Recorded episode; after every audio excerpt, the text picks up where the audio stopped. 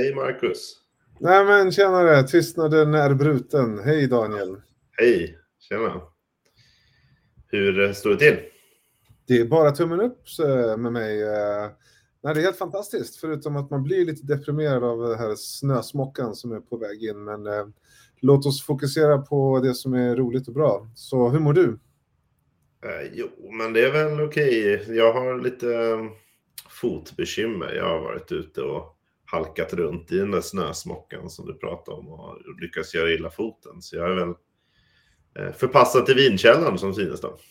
Det låter så, men eh, nu ser man ju din vinkällare bakom dig här och det, eh, man slås ju av att det är väldigt tjusigt, men framförallt det finns många luckor att fylla på här tycker jag. Absolut. Nu har jag utökat lagringsutrymmet här, så nu har jag börjat sprida ut och, och få ordning. Eh, så att, eh, nu, nu finns det plats igen. Du, vi ska snacka tillfälligt sortiment då, som vanligt, men man är ju ändå nyfiken på, når du bara någon random flaska bakom dig och ser vad det är för någonting? Eller river du hela stället då? Nej, det går bra. Vad ska, jag, ska jag liksom bara göra så här? Blinda någonting ur stället utan att riva det. Mm, där, den ser god ut. N- Närmaste hyllan är vitt, så hör det här så vet du vad det är för något. Titta, en Sandy eh, Ja. från U- USA, Chardonnay. Coast. Exakt, 2019 råkade det vara. Mm. Ja, den är ju smarrig. Ja. Och eh, lite ledande då, det är väl en tillfällig lansering. ja, varje år är det ju det, precis. Så det är väl Mm. lämpligt. Eh, ja, jag har ingen vinhylla bakom mig, men jag har ju huvudet fullt av massa idéer av vad jag ska köpa. Såklart. Och, Fler eh, idéer än pengar, eller? eh, ja, det brukar väl vara så. Det var- dumt att jag låtsades tänka efter, men så är det väl. Uh, nej, men skämt åsido, det finns väl... Uh, man gäller väl att fylla på lite med jämn ström liksom, så att det inte blir uh, så stor uppförsbacke och tomt kanske. Nej, precis. Så är det. Men du, har du, eh, har du utökat din eh, källare eller har det bara varit en, eh, en tung vinter? Nej, Jag det här, jag, jag, har, timmar. Jag har utökat lagringsutrymmet. Jag har nästan dubblerat det, skulle jag säga. Så att jag, får, jag kan... Det är, det är inte varit... Eh, liksom, Jag jag håller inte på med och ransonerar eller rensar ut det eller något sånt. Utan. Nej, nej. Du, innan vi börjar eh, gå igenom veckans eh, släpp här då. Vad säger du om grekiska viner då? Har du några sådana i hyllan? Mm, det har jag faktiskt. Jag har ju Greklands eh, Nebbiolo-utmanare har jag ju en flaska av. Nu Mm. vet jag inte om jag kan hitta den där, men... eh, Nej, men vem, vet, du, vet du vilken är? då? Eller vad den heter? Ja, heter den, heter den Nao, Naosa? Vad heter den? Mm. Ja, Evo finns ju. 13. Ja. Nej, men eh, anledningen till att jag frågar det vet ju såklart att eh, när vi inte har synts så mycket digitalt så här, eller hörts, så har vi faktiskt varit aktiva. Vi har ju haft Achaval Ferrer från Argentina på besök och provat viner med honom. Muy bien. Eh, Muy bien, eh, väldigt härliga malbecker och eh, riktigt fina, var lite back vintages och ja, vingårdslägen. Det var, det var magiskt. Kanske ett eget avsnitt egentligen. Ja, det är det egentligen för bara att få prova en lagrad Malbec är ju, har inte jag gjort innan. Nej, och det var väl Achaval- Ferrers vingårdsläge, Finca Bella Vista 2011 om inte jag minns fel. Mhm, Sån skulle man ha. verkligen. Det är väl 20, ja, det är väl 2018 som finns till försäljning nu för en 11-12 kronor om man vill. Men eh, det är långt från Argentina till Grekland. Ja, det är en bit. Absolut. Och att jag tog upp Grekland är att ni som är i Stockholm den 22 februari kan ju hänga med oss och prova grekiska viner när vi har besök från Kiriani som vinproducenten heter som är i Stockholm. Så den 22 så kan man eh, faktiskt eh, prova vin tillsammans med den och då blir det lite samma upplägg. Eh, lite av viner som kommer på tillfälligt, lite som finns i systemet eh, eller på beställningssortimentet och hyllan och sen också några äldre årgångar. Så att, eh, ja, det blir spännande. Och det hittar man på uh, EasyTick eller via vår Facebook och Instagram. Ja. Eller via Vinkoll-appen. Ja, just det. Så Mm. enkelt kan det ju vara. Behöver inte hålla på och surfa runt. Allt på ett ställe. Där har man alla provningar som man behöver. Mm. Eh, ska vi driva igång då? Välja tre vin var inför fredagens släpp. helt enkelt. Det gör vi. Jag har förberett här som man brukar göra på matlagningsprogrammen. Ja, och eh, vilket datum är det nu då som gäller? Ja, det är ju då den 16 som är på fredag. Det är ju varje fredag som det är tillfälligt sortimentsläpp för de som har missat det. Mm. Och vi brukar alltid summera släppet kort i början. Det är ju ett litet släpp får man väl säga den här gången. I Ja. alla fall mängd. Ja, vad, vad sa du att det var? 36 eller 39 olika viner va? Ja, precis. Eh, Vi pratar 36 viner. Mm. Mm. Och nu kanske det låter som en väldigt tråkig inledning då, men det var ju kanske inte det mest fantastiska släppet om man tänker på vinerna som är med, eller hur? Nej, precis. Det vinner ingen Oscar av vinsläpp. Men eh, vi är ju bara i början på året så det finns ju hopp. Mm. Vi brukar göra så att vi börjar sortera det här släppet på eh, det som är billigast och sen så går vi uppåt i, i inte i tid, i pris. Mm. Kanske ska jag tvärtom den här gången. Eller? Ja, men då det finns risk att vi nördar ner oss i något eh, eh, ikoniskt vin där. Det är inte så? Mm. Eh, men eh, du vet ju vilket vin jag tänker på som kan vara kul att nämna först kanske. Om det Ja, det är så. Det är så. Bara- jag kan scrolla förstå. ner. Vi kan ju scrolla nerifrån och upp i och för sig. Det är, det, du, du är nytänkande, Marcus. Ja, herregud. Alltid upp och ner. Det är den här chatten efter pappen då för 899 du tänker på. Nej, den är säkert jättegod. Men jag tänkte ju på någonting som ligger dig nära hjärtat, nämligen Gaias Barbaresco 2020 som Exakt. kommer. Väldigt nära hjärtat, ganska långt från plånboken tyvärr. Ja, alltså det här är ju en, en vanlig vinflaska i, i storlek, men den kostar alltså 2295 kronor. Mm. Kan du förklara det? Nej, eller? ja, det är väl som, eh, som allt annat i, i, i, i kult eller ikonstatus. Det är ett av eh, liksom, de mest ikoniska producenterna och deras liksom klassikernas klassiker. Det är vinet som de liksom blev kända med på något sätt. När det begav sig. Um, och det måste nog vara det absolut dyraste och kändaste vinet från hela den eh, regionen, ska jag tro. Alltså Barbaresco. Barolo finns det säkert både dyrare och mer kända, men det är de ändå som har satt Barbaresco på kartan lite tillsammans med, med Produttore di Barbaresco, får man väl säga. Hur många eller hur ofta har du Gaia på, i vinväggen där bakom dig eller i glaset? Eh, Det är inte ofta. Ehm, mest baserat på priset där. Jag var ju inte riktigt intresserad när man kunde göra... Jag minns när den, när den där passerade, ja, typ 1000 kronor strecket kanske.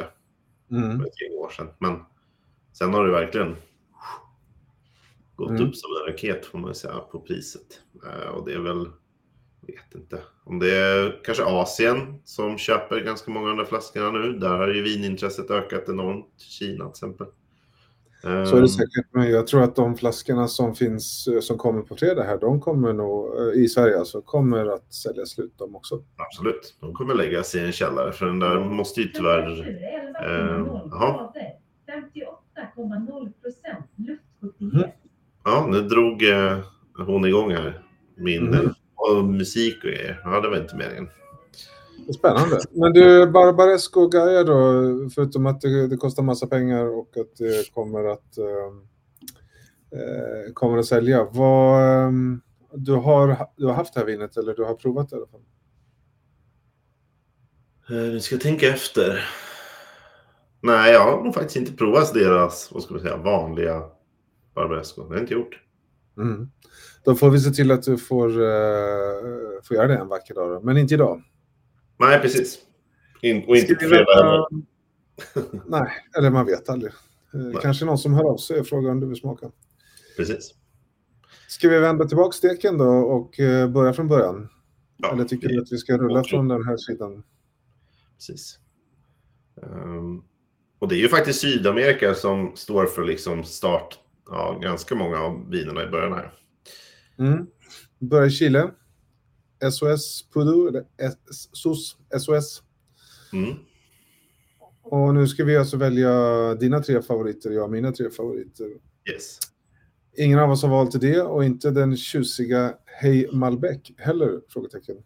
Nej, det är lite rolig etiketten då. Och, och annorlunda färgval kanske med lite så här, äh, jag vet inte vad det är. Cyan eller turkos. Mm. Ja, men det där är återkommande, det är lite kul och det är ganska populärt. Så det är väl, ehm, det är väl eh, apropå Malbec som vi pratade om innan då. Precis. Den, den sticker ut i hyllan. Mm. Men då tar jag och eh, lägger beslag på mitt första vin som kommer från Portugal. Som Trevligt. jag tänkte eh, vi skulle prata lite om. Quinta de Amares, eller Amares, Amares måste bli. Just. Eh, nummer 90 089 och kostar då 165 kronor. Mm. Och vitt vin är något som jag verkligen behöver fylla på i, i min källare. För att om man tittar eh, där så är det väldigt mycket rött. Så att, eh, och så tror jag faktiskt att det är så att jag dricker mer vitt vin än rött. Eller jag vet att det är så. Så att, eh, det, är väl, det är väl jättebra att, att välja det. Och sen är det ju då Portugal. Är det Ja. vitvinsland? Spontant är det väl ett rödvinsland och kanske Mm. lite andra typer av viner som är lite kanske starkare eller Mm. Men, Nej, men det här är Vinho Verde som du säkert har eh, hört Mm. och provat en hel del viner från. Så vi är liksom uppe i norra Portugal. precis. eller nordvästra, eller norra egentligen. Eh, och druvan här är gjort, som inte är jättevanlig kanske, Loureiro. Ringer det någon klocka då? Ja. Mm. Mm, ja, det är väl en, en, en av druvorna i Vinho Verde som, eh, ja, som finns i, i norra i halvön där uppe. Och eh, vad smakar det här då? För det här är bara ståltank, det är väldigt frisk, bra syra, det är lite päron, lime och eh, vad heter det? Persika brukar jag Mm. kunna säga. Och kanske lite, lite så här örtigt. Du vet, lite, det heter ju Vinho Verde, inte, det är lite grönt kan man väl säga också. Ja, visst det. Det gröna där ja. Ja. Eh, Men är det också, för att när jag tänker Vino Verde kanske jag tänker på Alvarinho då. Mm. Det Eh, Och då tänker jag ju väldigt frisk, fruktigt och till och med lite så här eh, nästan saltstänk mineral liksom. Mm. Ja, men det är nog inte helt, eh, helt off här heller, även om det här kanske är lite mer Lorero skulle jag säga mot Chardonnay-hållet. Men, eh, men eh, det är friskt, det är fruktigt, det är ungt och det är ganska smakrikt och härlig syra. Så att, nej, det är mm, ganska likt. Men jag gillar ju den stilen av viner, så att det är bara att kyla och se till att få in i glaset helt enkelt. Precis. Och så tycker jag 165 kronor är väl okej. Ja, och det är väl inte jättesvårdrucket där. Det håller sig ändå ganska lågt på sina 11 procent. Ja, men eh, lite kul. Och Portugal eh, tycker jag man kan eh, prova sig runt lite grann i. Mm, Mm. Så att eh, ja, så gör jag helt enkelt. precis. Och nästa vin var jag lite nyfiken på. En chilensk Moscatel. Mm. Den har jag valt som vin nummer två. Ja. Den, eh, den har ju kommit på fredag men har ju trots det varit ganska så omskriven och eh, uppskriven låter ju negativt. Och det är det ju inte utan tvärtom. Uppmärksammad menar jag. Ja, just det. Eh, Och eh, Itata kommer ifrån, alltså regionen som är, är ju en, vad säger man, medelhavsklimat är det ju inte, det ligger inte vid Medelhavet, men det har ju ändå ett medelhavsklimat säger man. Ja, Men det är väl ändå mm, 30-40 mil söder om Santiago i Chile, så att, ja, Valle Itata helt enkelt. Mm. Och eh, återigen eh, ståltank här, så att eh, det har eh, eh, det här är väldigt, oj nu hackade min bild till här. Det här är ju, eh, vad säger förresten Moscatel dig när du tänker så? Det säger det någonting om? Alltså, jag har inte druckit mycket Moscatel. Det var därför jag hajade till och blev intresserad och nyfiken på det där. Eh, för jag tänkte att dels vitt vin från Chile är det, kanske, är det väldigt dåligt representerat här bak. Och eh, jag skulle säga att det är ännu sämre eh, med Moscatel vin överhuvudtaget. I min Mm. Arsenal. Och jag tror att Moscatel är en av de absolut äldsta druvsorterna som finns. Men det kan man väl tvista mycket om. Men det är, det är ingen, eh, vad säger man, ingen new kid on the block. Nej. Eh, vad får man i glaset då? Jag brukar säga att Moscatel brukar oftast kunna bli lite lätt kryddig. Eh, Mm. och det är ganska så här, gula, gula päron och frukter och liksom lite mer moget. Och återigen lite persika, kanske lite mandarin. Men också den här till kryddigheten som blir eh, ganska så liksom eh, bra smak tycker jag. Så att, eh, det, är, det, är- det är bra, bra grej.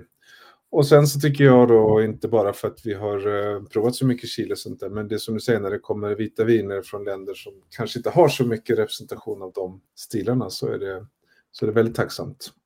Verkligen. Mm, så jag tycker att man för uh, fyndpriset då, uh, var det, 169, 169 Mm. ja. nummer 94047, då får man ju en väldigt bra smak av uh, uh, lång tradition i Chile. Mm. Och Ja, så det- är det. Det eh, låter ju lovande. Som sagt, jag var sugen på den, men jag, du, du snodde åt i den istället. Men det är mycket möjligt att vi står där och rycker i, i samma flaska på fredag. För jag vill nog kanske plocka med mig en av dem också. Här kommer det faktiskt ganska mycket flaskor, så här ska man inte vara blyg, utan det är bara att ehm, eh, ta för sig skulle jag säga. Precis. Mm. Så det var Chile. Då har jag ju bränt två kort här. Nu, eh, nu är det väl eh, upp till dig då att hitta på något, tänker jag.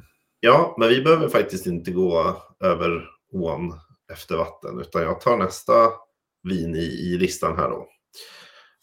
Mhm. och då är det ju föga förvånande i en italiensk flagga här då. Viva Italia! Si, och då heter ju det här vinet eh, Morel, Morellino di Escanzano. Mm. Och det Bene. är ju då en toskansk Sangiovese, men från ett, jag tycker i alla fall för mig, lite ovanligare område i Toscana.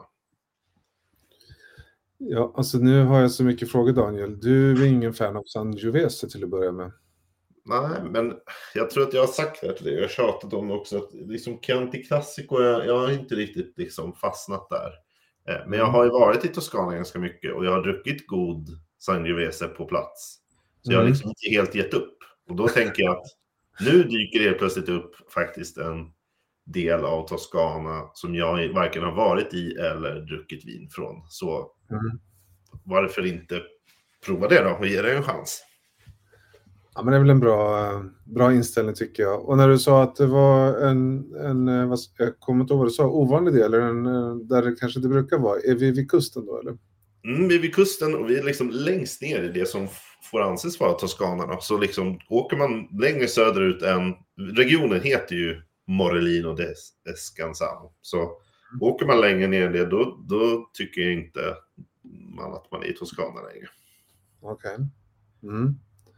Eh, Men det är väl fat här misstänker jag också, så att man får väl Ja, men det är ju.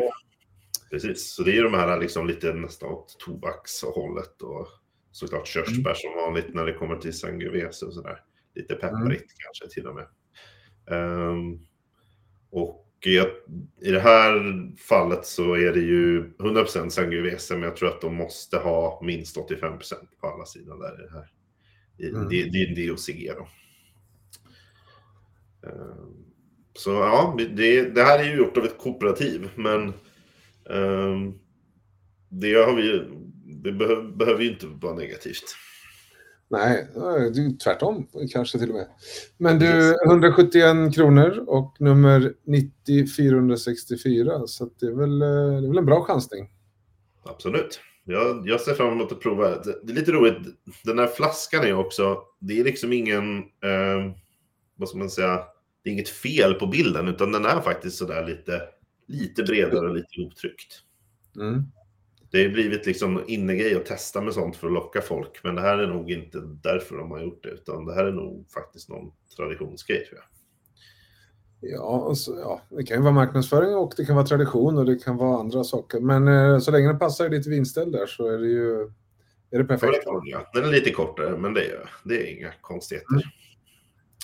Jag kommer ju följa upp dig lite personligen på det här med Sangiovese eftersom jag själv tycker att Chianti och Toscana och Chianti Classico men också Sangiovese är, är, är mycket trevligt. Och eh, finns en del Chianti i min källare och eh, jag var på Winery Hotel förra veckan och drack Chianti så att, ja, Mm. det ska bli se om du också kan drabbas av den. Ja, jag tror att jag har efterfrågat en utmaning tidigare så att den är, Mm. det är bara att köra på. Mm. Ja, men bra. som, som jag blir eh, fanatisk över. Sen är det väl kört antar jag. Brukar vara så. Ja. Jaha, vi rullar vidare då. Hoppar över nästa italienare, Colfondo. Uh, eller? Mm. Förresten. Ja, men det gör jag faktiskt. Det, den ser ju ändå den ser lite cool ut. Det, det skulle kunna vara en cider eller något baserat på etiketten där. Ja. Eh, Mm.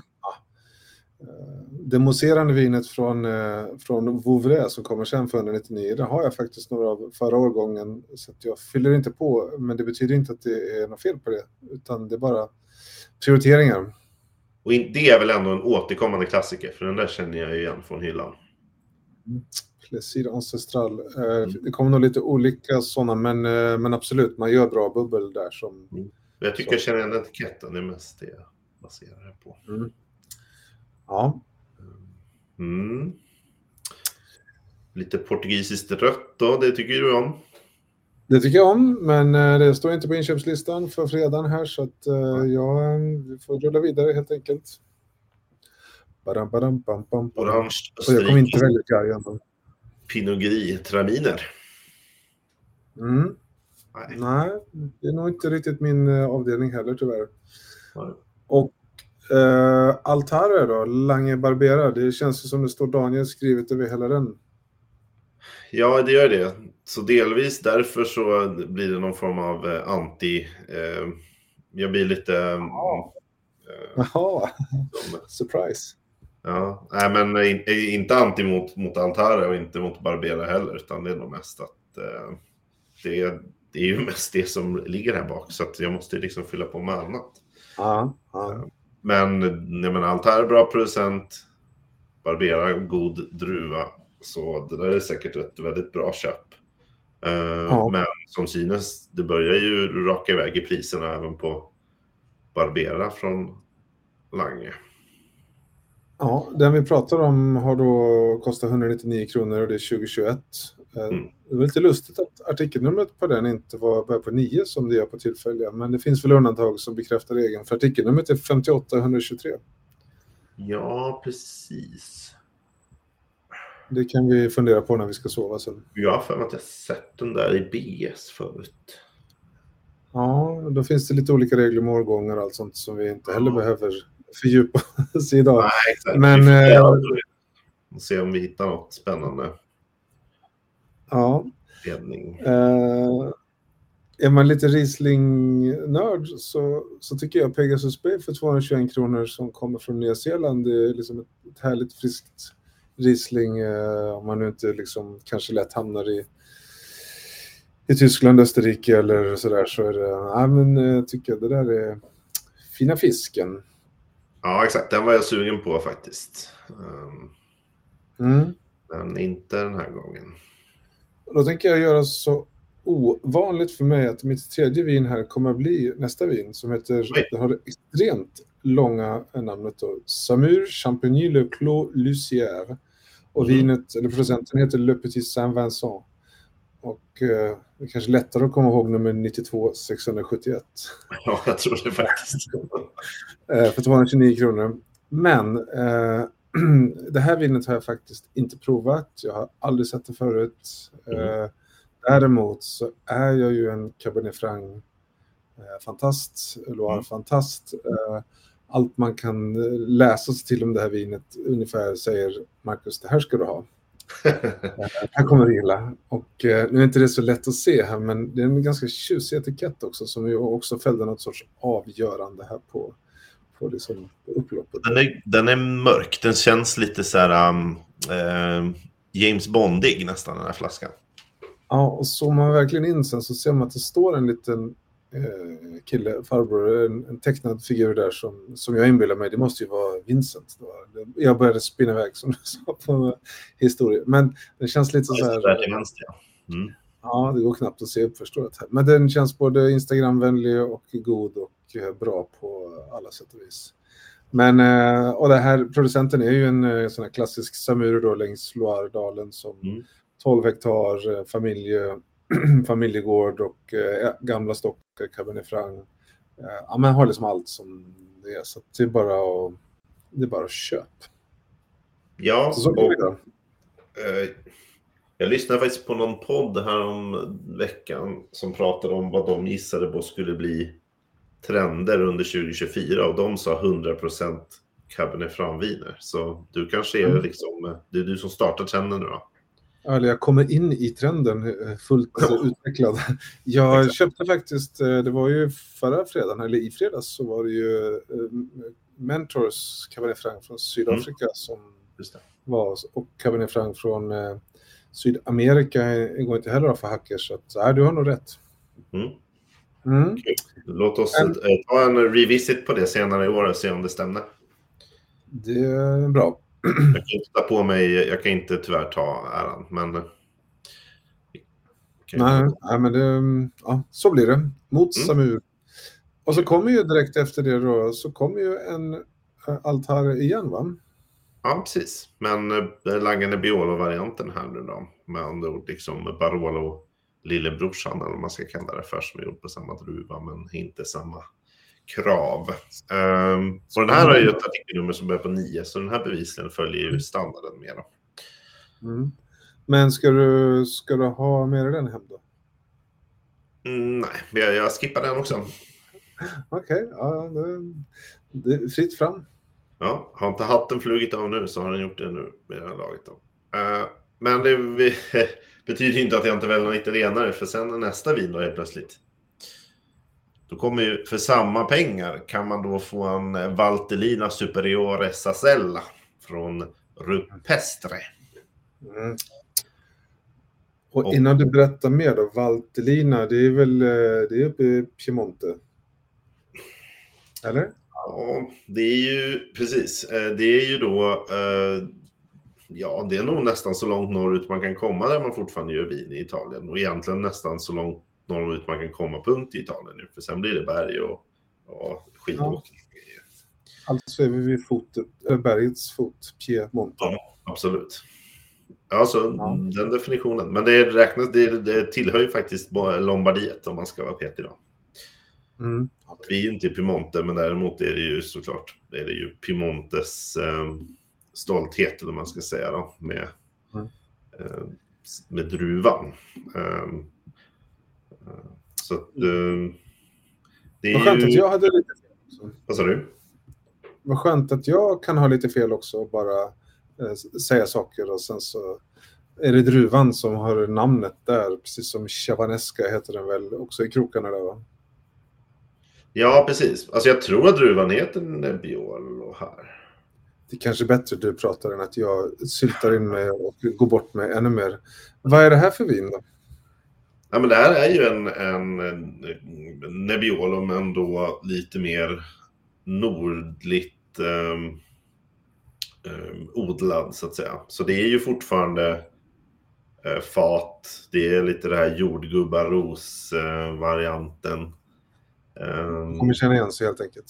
ja, men det tror jag absolut. Men då med en liten twist, liksom. Ehm, Mm. för att det är lite annorlunda jordmån och det är ju lite... ehm, jag tror man kan liksom, den är nog inte liksom, det är ingen... eh, det finns ju några Nebbiolo som kan vara lite mer uh, käftsmällhållet och det är väl kanske inte den här. Jag skulle nog säga att den är lite kanske försiktigare i stilen. Men Mm. Ja, den är 14 procent så det är inte liksom ett, det är inget tunt vin utan det är mer Mm. om man ska jämföra Nebbiolo mot Nebbiolo. Mm. Eh, Ja, med risk för att säga konstiga saker vågar jag inte säga någonting mer. Utan, eh, det, låter, det låter gott. Vad sa du? Jag säger bara att det låter gott. Ja, nej, men det, det kommer det ju vara. Ehm, absolut. Och det här är ju... Det är så rörigt med alla de här grejerna. Men det är ju DOCG-status på på den här, eh, det här området. Och det är ju dessutom ett superiorvin. Så med andra ord så måste det lagas i minst två år. Då, bara ett år på fat. Så det finns liksom en viss eh, garanti där vad man får för någonting. Och hur länge lagrar du nummer 90 532 för 229 kronor och innan du öppnar den? Precis. Det är 2020. ehm, den måste inte ligga riktigt lika länge. En min erfarenhet. Jag har öppnat några stycken nu, eh, men den ska åtminstone ligga två, tre år här innan jag eh, öppnar första flaskan Mm. och testar. Och avgör liksom om det börjar bli dags eller om den måste ligga längre. Ja. Nej, för jag, om jag inte minns helt fel så rekommenderade du den här eh, tidigare år också, så det är en återkommande favorit för dig. Då. Ja, men det är det. Och jag har några andra också från, från liksom de här nordliga områdena som jag tycker om att köpa. Dels för att det är ju en lite annan prisklass oftast. Mm. Eh, Och så är det lite kul att ha en liten twist som sagt på Nebbiolo. Mm. Ja, men jag får ju läsa på lite om eh, druvnamnen här och börja slänga med, med, med regioner och druvor huller om buller. Fy skäms. Ja, det är, det är ju inte helt omöjligt att det är jag som har fel också. Så att det ska, jag ska. Chavanesk, ja, vi får eh, kolla upp det sen helt enkelt. Ja, jag tror att det är en annan region där den heter det, va? som är mer, eh, åt, å, mer västerut. Spänningen är olidlig. Men eh, har du, du har valt två viner då va? Eh, stämmer. Så vi ska ju scrolla neråt. Det var som tusan. Och för min del så behöver vi inte alls scrolla långt. Och den här gången är det faktiskt inte det italienska vinet här, utan nu är det en flagga som är svart, röd och gul. Så nu är vi i Mhm. Tyskland. Tyskland och Marcus Molitor. Vilket Mm. fint namn. Ja, men han, ja, dels är det ett väldigt fint eh, förnamn, men det är också en bra producent. Ja. Som kanske inte bara är kopplat just till specifikt i namnet, utan också för att han vet ju vad han håller på med i, i när det kommer till Riesling. Och jag vågar säga att han är hemma i Mosel. Eh, ja, det här är väl en riktig, det är väl en av liksom the Mosel-producenter får man väl ändå säga. Ja. Eh, Skönt, Jag har nu ju är jag på faktiskt- rätt sida igen. Jag har faktiskt hälsat på där, men det var må många år sedan nu. Mm. Eh, Och jag köpte inte med mig De till... pratar om det fortfarande. Vad sa du? De pratar om det fortfarande, eller? Ja, precis. Nej, det är nog snarare tvärtom kanske. De... Men eh, jag försöker kanske glömma det. Nej, men Mm. det här är ju... Eh, det här är ju den här liksom vattendelar-rislingen, för den här har ju lite sötma. Mm.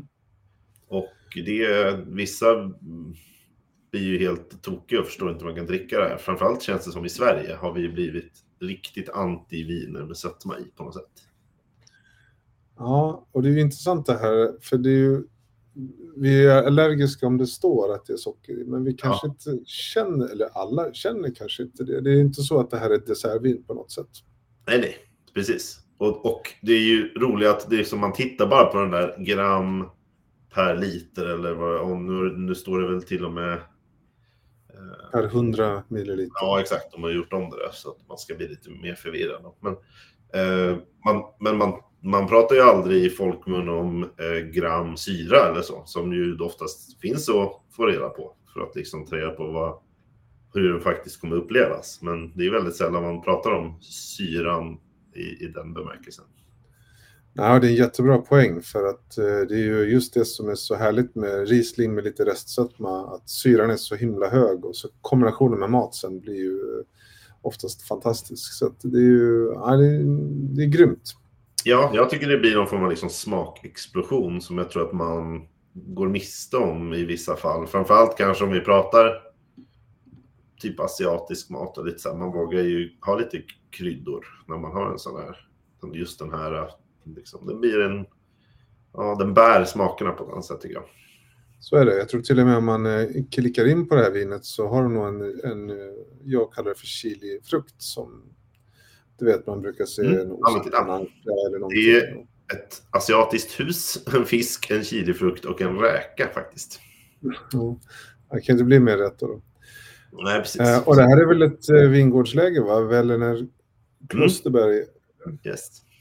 Så det är inte Mm. hans entry level, utan det är liksom...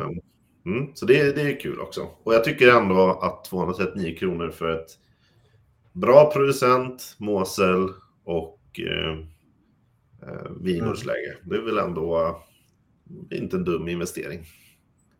94 221 heter den.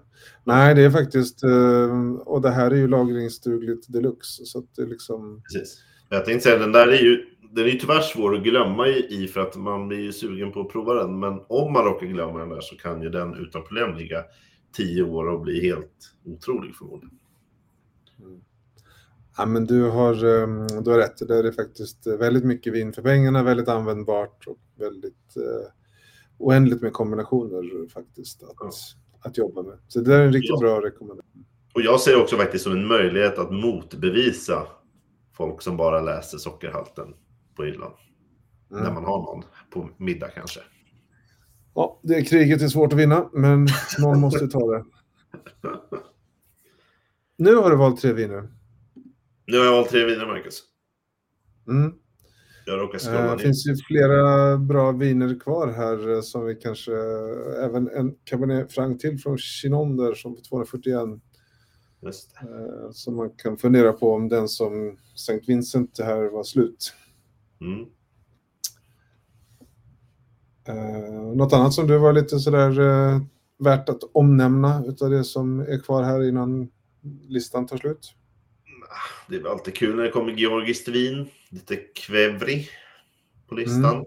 De har ju gått upp i pris också. De har jag för mig var låga och ganska lågt prissatta förut. Men det känns som att det, det finns liksom en... en det blir det bildas som en fanclub tror jag. Ja, nu kan inte jag så mycket om just det där vinet, men det är klart att de har eh, högre kvalitetsviner också i olika varianter. Det där är säkert ett av dem. Ja, och dessutom tror jag kanske inte det är riktigt samma volymer som vi pratar om i de liksom lite nu. Nej. Det är fortfarande gamla världen, men det där är verkligen gamla, gamla vinvärlden på något sätt. Mm. Jaha, vidare kommer det lite, det är 2015 från Italien. Mm. Det är ju alltid trevligt när det kommer lagrade viner. Jag tycker även den här eh, eh, spanjoren här från 2018 är också lite lagad från början, men de kanske inte, för inte får skicka ut dem före 2018. Jag minns inte hur reglerna är där. Eh, 15,5 procent alkohol. Eh, det kan man också vara lite försiktig med kanske om man tänker på socker. Men du, du hade ju för 299 där så har du det här Garage Wine från Chile en, Mm. en, eh, en Cabernet Sauvignon som Precis. Är trevlig. Jag vågar, nu har jag gått så mycket fel idag, men jag skulle säga att den här är också återkommande. Ja, jag funderar på om vi till och med haft, vi och våra besökare på Chile eh, provning har fått prova den där. Osäker, så att eh, jag väljer att inte säga så mycket. Jag vet att i alla fall vi har haft garageviner med. Ja, ja, producenten har varit där, absolut. Just den här, det här är vingårdsläge specifikt tror jag, så då kanske det inte var med. Ja, det där tror jag Malbec och Cab till och med. Okej. Mm. Uh, no, sen har, apropå Malbec då, så finns det ett argentinskt vin där från en producent som heter Colomé som hör, hör, till i, eller hör hemma långt upp i Salta, norra Argentina. Lite, uh, höghöjds Malbec i den finare skolan för 319 kronor. Det kan vara kul om man inte har hunnit med det. Mm. Och då får väl jag höja eh, rösten för ändå Benat, Benanti som de flesta nu Mm. tror jag liksom börjar känna igen på hyllan som eh, Etna viner från eh, Sicilien. Kommer ju med en, Mm. så vitt jag vet då, en vingårdsläge specifik sådan här. Exakt, Sicilien så säger de ju Contrada. Det var till och med med i namnet här. Så Precis. Och det är ju kul att det liksom har att det även börjar komma vingårdsläge specifika. Annars så brukar det ju bara vara ja, etna och så Mm. brukar det vara eh, gärna en, kanske en blend också med det. Men den här är ju bara en Nerello Mascarese också. Så. Tycker man om den här Benanti så kanske man vågar sig på den här. Mm. Jaha, ska vi börja runda av här? För nu har vi uppe på 400 kronor och det kommer två, tre olika Chateau efter papp här va? Ja, precis. Och det kommer en Ridge och lite annat eh, saker som man... Just det. Ridge Pagani för 495 kronor. Det har jag faktiskt provat eh, tidigare här i höstas. Eh, Ja. Riktigt trevligt. Eh, Men jag köpte ju Lytton Springs och de andra så att jag får hålla eh, Ridge. eh, Hyllan är full. Precis. Och sen har vi ju faktiskt amerikanskt bubbel. Det är lite roligt. Mm. Men då får man också betala 529 kronor, så det är ju tyvärr inte gratis. Då. Och Olivier Lafreds Premier Cru. Titta från Bonnevaux. Ja, det finns mycket att göra. Ja, det gör det. Jag tycker vi stannar där om inte du har någonting mer som du vill eh, lyfta upp en Dönhoff här på slutet. Ja, precis. Gråses geväxt där för 735 riksdaler. Det är garanterat en bra Riesling, men ja, jag Mm. satsar mina eh, pengar på Marcus. Det är väl bra val. Det är bra val och Gajan har vi pratat om tidigare så att eh, vi får väl eh, stänga vinlistan där då. Ja. Men eh, påminna då om den eh, 22, eh, jag höll på att säga maj, men det händer säkert någonting nu också, men 22 februari, vår Mm. grekiska provning då med Kiriani. Så in i appen och hitta den och, och boka en plats. Det blir det är alltid kul att träffa den som ligger bakom vinerna och kan berätta mer och svara liksom ordentligt på alla frågor tycker jag. Och vi tycker det är roligt att träffa de som ligger bakom skärmarna som tittar och Mm. lyssnar på oss. Så då får ni gärna eh, göra er till känna om, om ni kommer på provningen och känner igen oss. Mycket bra. Hörru, vi ses eh, på fredag eh, 10.00 i kön. Ja, jag är kapten. Eh, om, eh, om vi inte gör det så får du ha en, eh, en bra eh, jaktlycka som vi brukar säga på, på dina tre val här. Tack, tack. Jag önskar detsamma. Mm. Då tackar vi för alla som har lyssnat och tittat så ses vi snart igen. Tack, tack. Ha det bäst, Marcus. Hej! Ciao.